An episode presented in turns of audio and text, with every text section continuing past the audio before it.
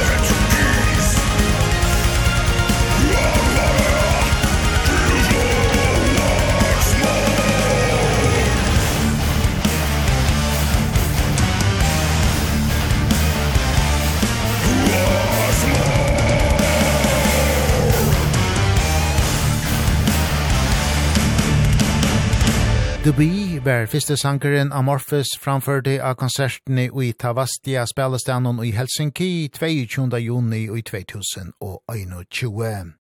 Konserten som var utan ahøyrerar var festa band, og er nå tøk av nuttjo konsertutgavene Queen of Time live at Tavastia 2021. Av konsertene framførte Amorphis Nasnudjasto studioutgave Syna Queen of Time fra byrjan til enda. Tavastia er et ta kjentasta konsertstegi i Helsinki, og ta vera opplagt vel til konsertna helder Tommy Jutsen, åttamæveren Ui Amorphis. Well, it's it's been there like ages, and uh, if you start a band in Finland, your dream is to play at Tavastia because uh, it's a really good quality place, and everyone knows the place. It has a great history behind before in-ear monitor system. Everyone was talking about how how the uh, stage sound it's perfect. So that's also a reason why everyone want, wanted to go there because they had a great PA system there. And uh, the capacity is only 800 or something like this. And when the pay, uh, when the venue is packed, you can really feel the atmosphere. And, and uh, I've seen some legendary bands playing there. It's it's a great place to see bands if you live in Helsinki. It's one of those places you really want to go if you come to Helsinki and if you are into rock music or metal music. Night into black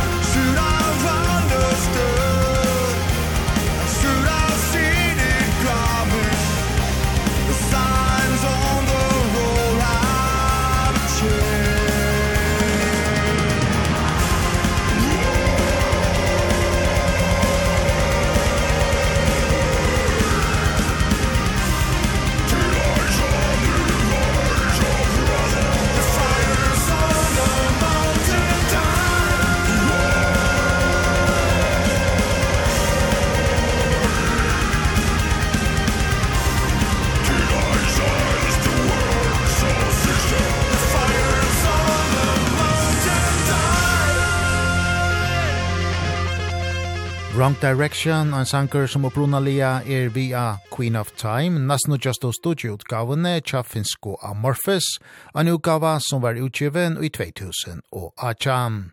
Hesef er framførdur live i legendariska Tavastia spelestanon i Helsinki.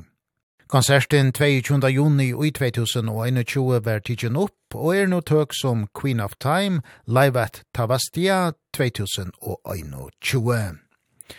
Av konsertene spalte Amorphis atla Queen of Time og gauna fra byrjan til enda, og ta vera norsøk til at hetta vele var gjørst, grøyer sjankaren Tommy Jutsen fra. I think it was the perfect time for that, because sometimes when we have released the album, we have played uh, straight after releasing party, the whole album in front of the audience, and we didn't do that after we have released Queen of Time album.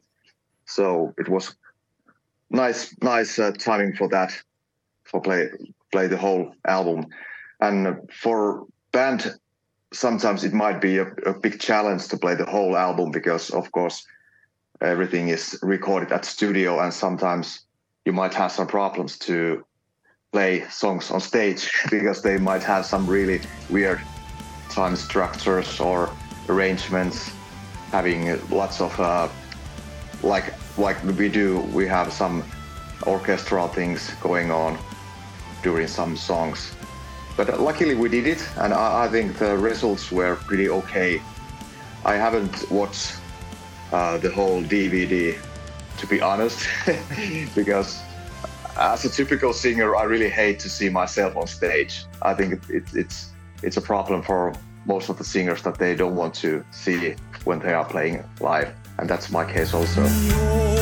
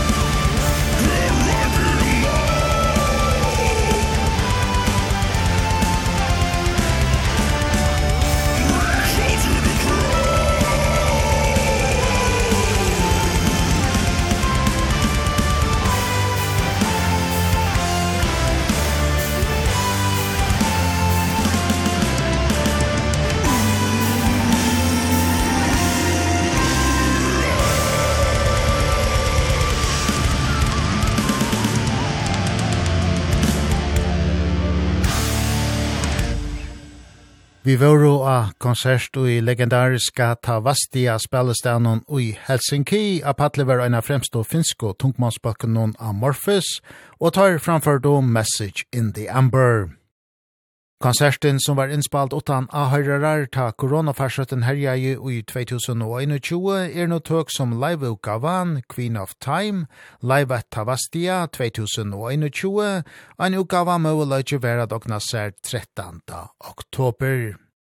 Ta var en særlig oppliving tja Tommy Jutsen og Hinon i Amorphis a standa av patli utan ahøyrar, og at am er en anso hana som er ta sjåbandalø vera opptidkjen. Well, it's, it's weird. It's, it's kind of shooting a music video and uh, at the same time it feels that you are playing live.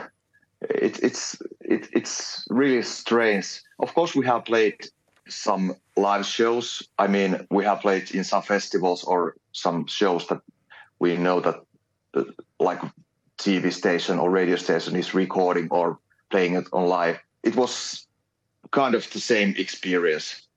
I, I personally I was nervous of course because when you are doing things live you can really hear every every note and every mistakes and uh we we try to keep it uh the same as as we are doing things on live in in real in front of real audience. But uh, at the same time you missed the energy from the audience and you missed the whole feeling when you are playing uh in front of real audience. But um i think the time with corona was in many many many ways really weird for the bands and for the whole world. And uh, this was something we did and uh, I'm pretty sure that we we are not doing this again. it was weird, so to speak. She spoke to me, I brought to me.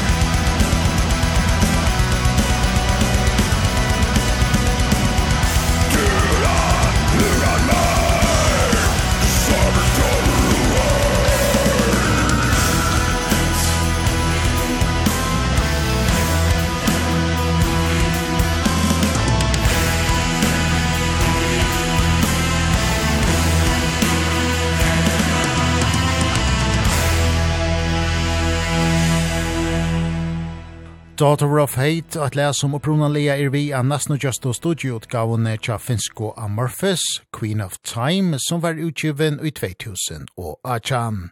Hesefer framført live i legendariska Tavastia spelestanon i Helsinki, 22. juni i 2000 og 21. Konserten som var utan ahøyrarar var tidsen opp og er no tøk som live-utgavan Queen of Time, live at Tavastia 2021. Hese utgavana vær måløyke at okna ser 13. oktober. Ein en gestasankare er via i sin nutjo konsertutgavane. Hollandska Annik van Giersbergen som lotiger av sangenon Among Stars vært av ikkje til stier ui Tavastia da sankeren blei innspaltor. Hetta vært av ungen trobeløyche helder Tommy Jutsen og ta maveren ui Amorphis. Well, we have played that song on on on live uh using like back backing tracks for, from Anneke and uh of course would be nice to have her voice on on stage with every every every shows but it's impossible because of the schedules and stuff. But uh luckily we managed to have her voice on on on this uh record recordings also. And uh she really brought she really brings huge energy to the song. And uh the whole whole duo duo thing it's it's really powerful and and uh, people really love her voice and our our song. So yeah. of course we had to have have this uh, song also on on this recording. And is this a, is a pure concert recording or did you had made some additional recordings uh, in the studio afterwards? Uh, of course we did some mixing and stuff but uh I'm I'm not the right person to answer that because I I didn't do any any mixing things. I just went on stage and I I did my job. So that's that's the truth that I know. And is there a song from uh, Queen of Time that is your favorite to play live? Well, I think the whole album is it, it's uh, great. I, I just can't pick any any particular particular song. I think the whole album is is it's great and and uh, people really love the album. So I I cannot pick just one song. Sorry about that. Close your eyes now.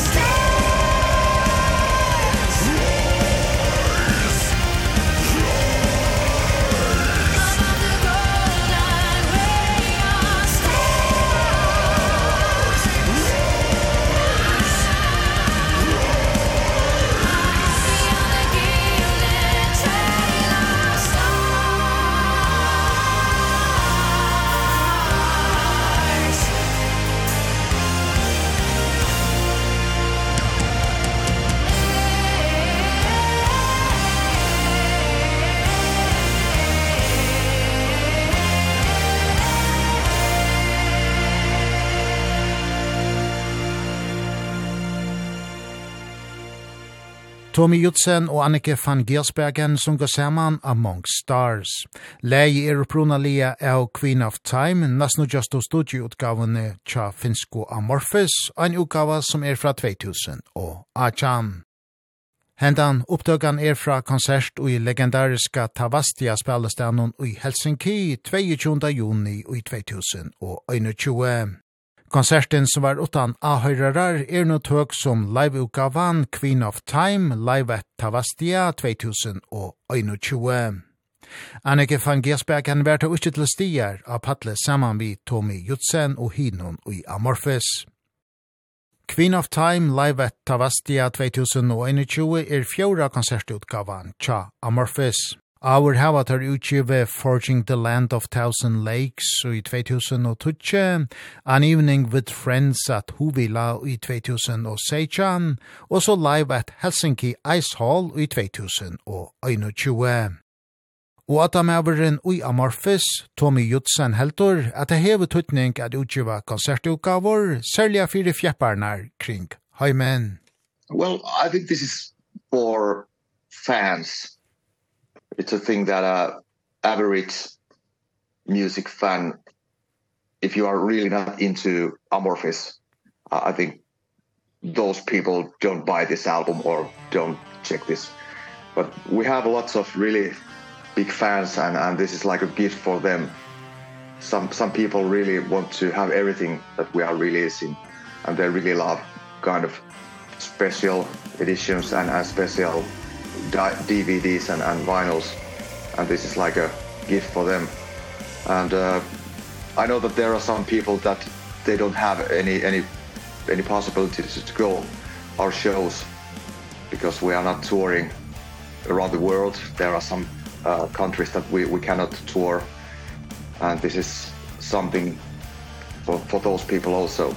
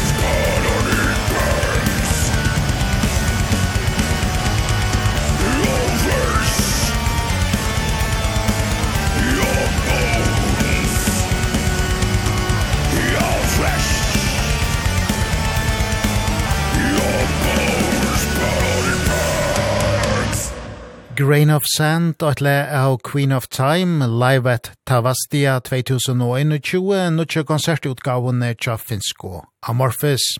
Og en utgava som overlag ikke være dogna sær 13. oktober. Konserten var opptidgen 22. juni i 2021 og i legendariska Tavastia spelestanon i Helsinki. Vi tåsa i kvöld vi Tommy Jutsen, åttamannen og just Amorphis. And if you look at the live uh, album concept, uh, do you have a favorite live album made by other artists or or bands? Well, to be honest, I haven't listened that much live albums. I think if you want to see band live, you should go to concert. That's my personal opinion. I I just love the feeling the real feeling when you go to the venue and and and you can feel and and and see the band playing and and you can uh feel the atmosphere and everything around you. And uh I I prefer listening album versions to be honest. Yeah. And do you have a favorite concert that you have been to? Well it's really hard to pick just one. I remember I saw Massive Attack back in the days in in in Finland in in some rock festival. And that was really fantastic experience and also Marilyn Manson. They played in in, in Roskilde Festival back in the days. And uh, what else? It depends. Sometimes it's it's really nice to see like a huge band in in festival or or in arena, but on the other hand, seeing band like Turbo Negro in Tavastia with 800 people, everyone is a little bit drunk, having good time listening to rock and roll. That's also really fantastic fantastic experience.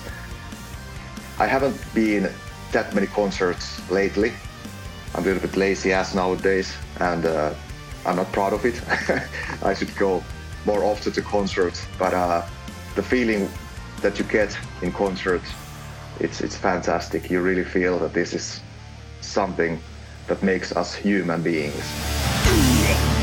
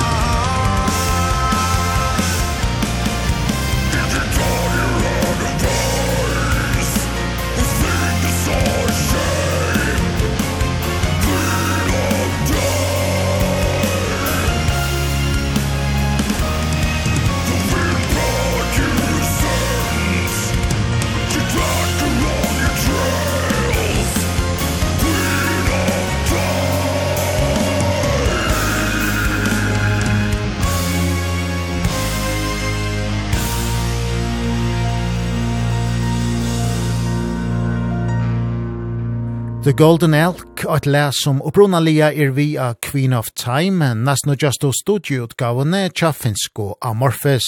Hese fer ui eine live utgavon.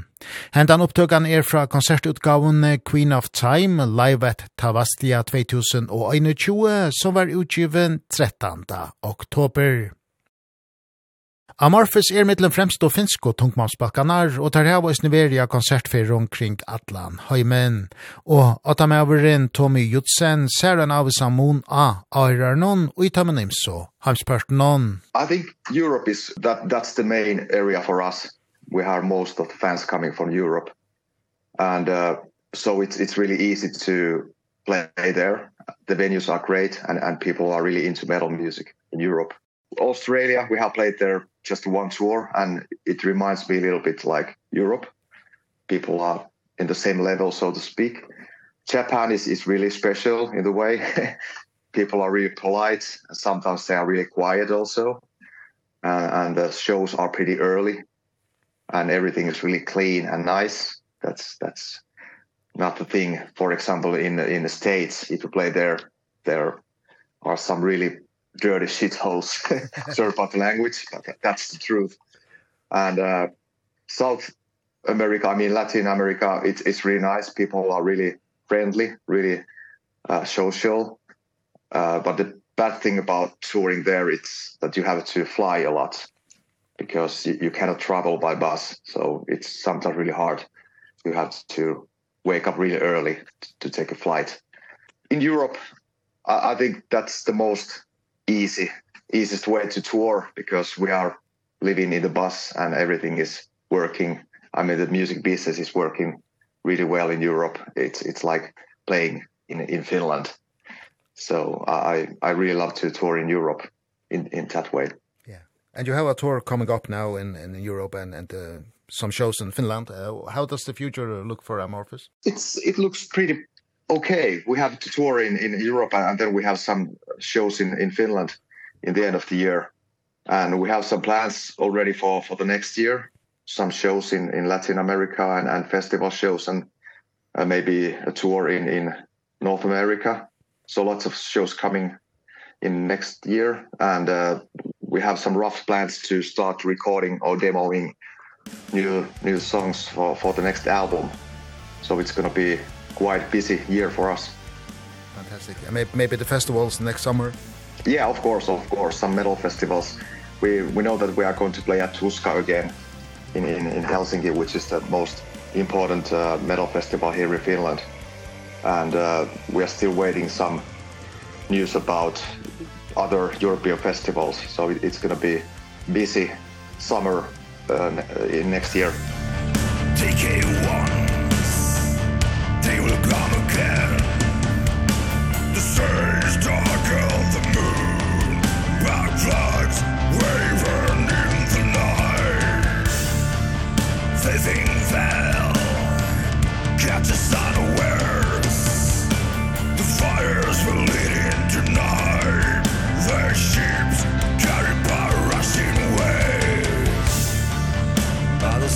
inside what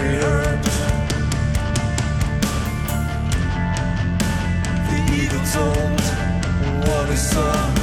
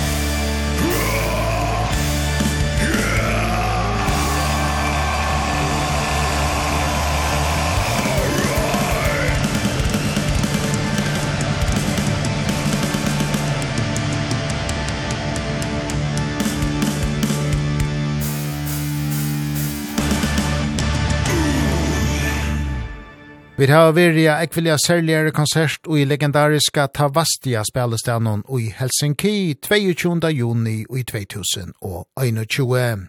Konserten var vi finska bøltsjonon Amorphis og det særlige var at anger ahøyrerar var til konsertena orsaka av koronafarsøttene som herjeie om hetta munte. Konserten var festa band og var 13. oktober tøk som liveutgavan Queen of Time, live at Tavastia 2021. Og sønnaste sangeren Amorphis framførte av konserten var Pires on the Coast. Vi prata av oisne vi Tommy Jutsen, åttamannen og just Amorphis, om hessa særlige konserterna, og han grøyte mittel anna fra hvordan det var å standa av Patli og spela fire tomon konsertsjæle.